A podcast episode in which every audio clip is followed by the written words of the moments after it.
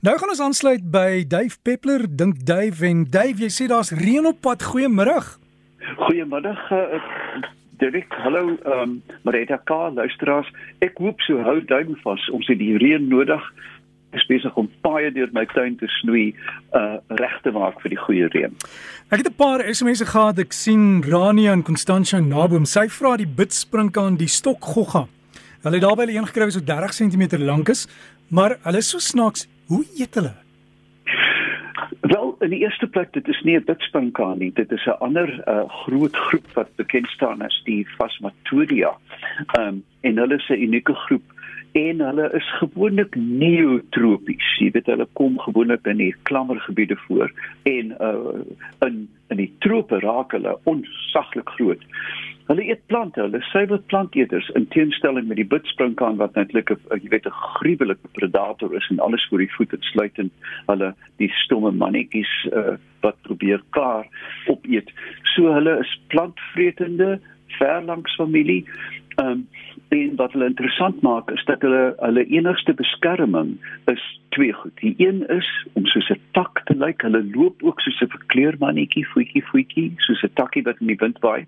Maar sommige van hulle, as jy dit nou regtig kwaad maak, lig hulle van die pote op, ook soos 'n bitsprinkaan en wys helder kleure en helder kleure in die natuur, jy weet die die die knalkleure geel, rooi, swart beteken moenie my eet nie. Baie interessante diere.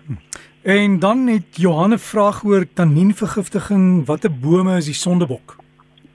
Ooh, taninvergiftiging by wat by 'n grysbok of by hom?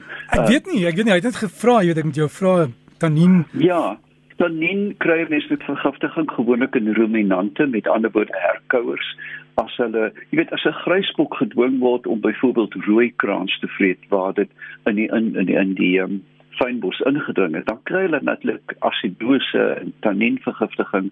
By die mens dink ek is dit maar jy weet dis ek 'n lewende voorbeeld van te veel koffie. Ehm um, ja, ek ek, ek ek ek kan nie antwoord as ek nie weet na watter organisme hy verwys nie.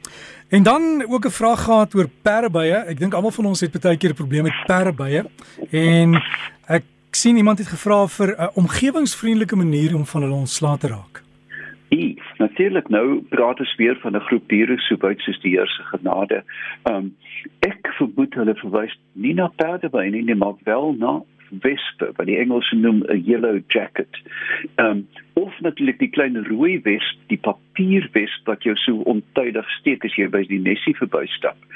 Um onlangs het die Vespula germanica 'n um Europese spesies begin posvat in die Kaap en die goed steek vir jou soos 'n naaimasjien nie eenmal nie maar so 'n ry steke jy weet liewe hemel hulle steek jou mif um nou uh, moet my tog asseblief nie aanhaal en moet dit nie probeer nie maar in Europa waar ter neste vorm het ek vir my 'n sambreel opgesit, uh, 'n uh, koppie koffie gemaak, um, en 'n stofsuier gevat met 'n voetskakelaar en elke En dan elke keer as een sy kop uit die nes uitsteek het om opgesuig, die stofsuier het naand geklink na die Battle of Britain. Jy weet dit was so 'n uh, uh, lugoorlog.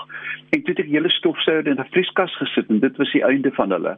Uh 'n mens wil tog nie eintlik gif spuit nie, maar as dit kom by die indringer spesies, moet 'n mens en hulle is 'n 'n opsigtelike geel en swart groot wesp, aggressief wat 'n mens dan moet rapporteer aan jou naaste landbou uh instelling en daar is gewoonlik mense wat hulle dan kom uithaal. Maar as dit die klein wespe is, die klein uh, papierwespe, vermy hulle liefs want hulle doen ontsaglike goeie werk. Hulle vang ruspes op jou gras en en, en ongediertes in jou tuin, pest uh, pla. So as dit 'n indringer is, laat hom uithaal. As dit 'n inheemse is, verdier hom liefs. En as jy nie weet watter een dit is nie, Google en kyk na die prentjies en Google en kyk. Ek het ek het Ekskuus, ek het ek het ja. al my meute gehad. Ek moes ek moes aanbou en ek ek het hulle nat gespuit elke dag en hulle het self getrek. Ja, dit dit werk vir katte ook. Um, ja. Uh, um, goed, ek, ek, wat ek sal doen, ek sal op my uh, Facebookblad uh, vanaand die verskil tussen die twee uitpak en dan ook met aanwysings. Wat jou Facebook Dave? Dave Peppler eenvoudig jy tik duik Peppler in en dit kom dadelik in dis 'n oop Facebook jy hoef nie aan Facebook te behoort om dit te kan sien nie of jy kan na my webblad gaan by www.davepeppler.com. Die smitte wil weet kameelperde se blokkies verskil. Hoekom? Um, omdat hulle verskillende rasse het. Jy weet as jy na die ewenaar te beweeg het, veral in Tansanië daar by die Queen Elizabeth National Park, het hulle een van die mooiste kameelperde op aarde, die Rothschild se kameelperde. En dan is daar ook natuurlik die Maasai uh, en daar's 'n hele aantal verskillende subspesies.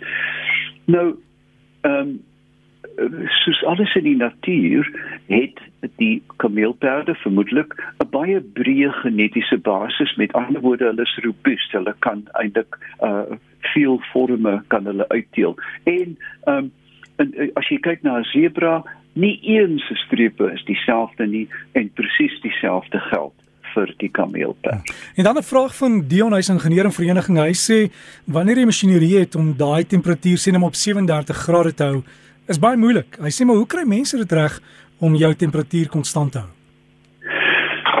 Die wel, ek weet dit was 'n medikus, maar die uh, mense kon temperatuur word deur een groot meganisme, dit is natuurlik die vel. Die vel sweet en verdamping dan natuurlik verkoel dit en dit is hoekom aanvoelbare temperatuur met 'n wind so koud voel want die die isolerende laagie van warm lug bo die vel word weggeneem.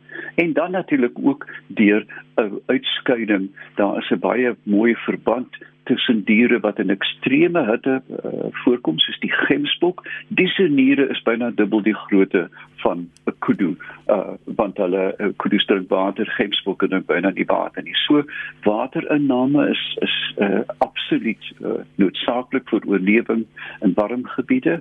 Um, en dan word die die afvalstowwe deur die niere uit. Maar dit is eintlik maar 'n velde. Dave dan net laasens jy het genoem van die katte en water. Ehm um, baie mense het 'n probleem met bure se katte wat in hulle tuin kom grou en ek weet die beste is om 'n speelgoed geweertjie hierdie waterpistooltjies te koop en om sommer deur die venster so so nat te spuit, maar hulle moet jou nie assosieer met die water nie. Anders kom hulle terug. Ja, kyk uh, ek het uh, ek het mateloos probleme met bure se katte wat netlik van my kat se kos hou en ek vermoed my kat geëet weer hulle kos. Ehm um, maar 'n mens kry 'n uh, uh, nie net 'n waterpistool as sou ek sê maar ook 'n water byna 'n gewater ge geweer. Jy weet dit lyk na 'n AK47 in plastiek wat 'n uh, uh, uh, regtig sterk straal spuit. En ehm um, en hulle kan maar assosieer met jou jy weet uh die die as jy die ding optel dan dan dan kies hulle die haasepad. Ehm um, daar is 'n mens wil nie klappers gebruik nie want dit kan die diere regtig baie seer maak. So water indien jy dit het ehm um, in 'n redelike sterk spuitapparaat is die antwoord. Dave baie dankie en geniet die snoei daar in die tuin vir die laaste paar minute van die dag. En nie te veel sny nie, né? Nee nee nee nee nee ek het ek het 'n sterk hand. Ek weet wat ek doen dink ek. Ek het ek het groen vingers en dan tot volgende week. Alles van die beste. So gesels ons dan met Dave Peppler en die Facebook bladsy gaan soek net Dave Peppler en jy sal al die inligting daar kry en volgende week selfde tyd terug hier op RSG.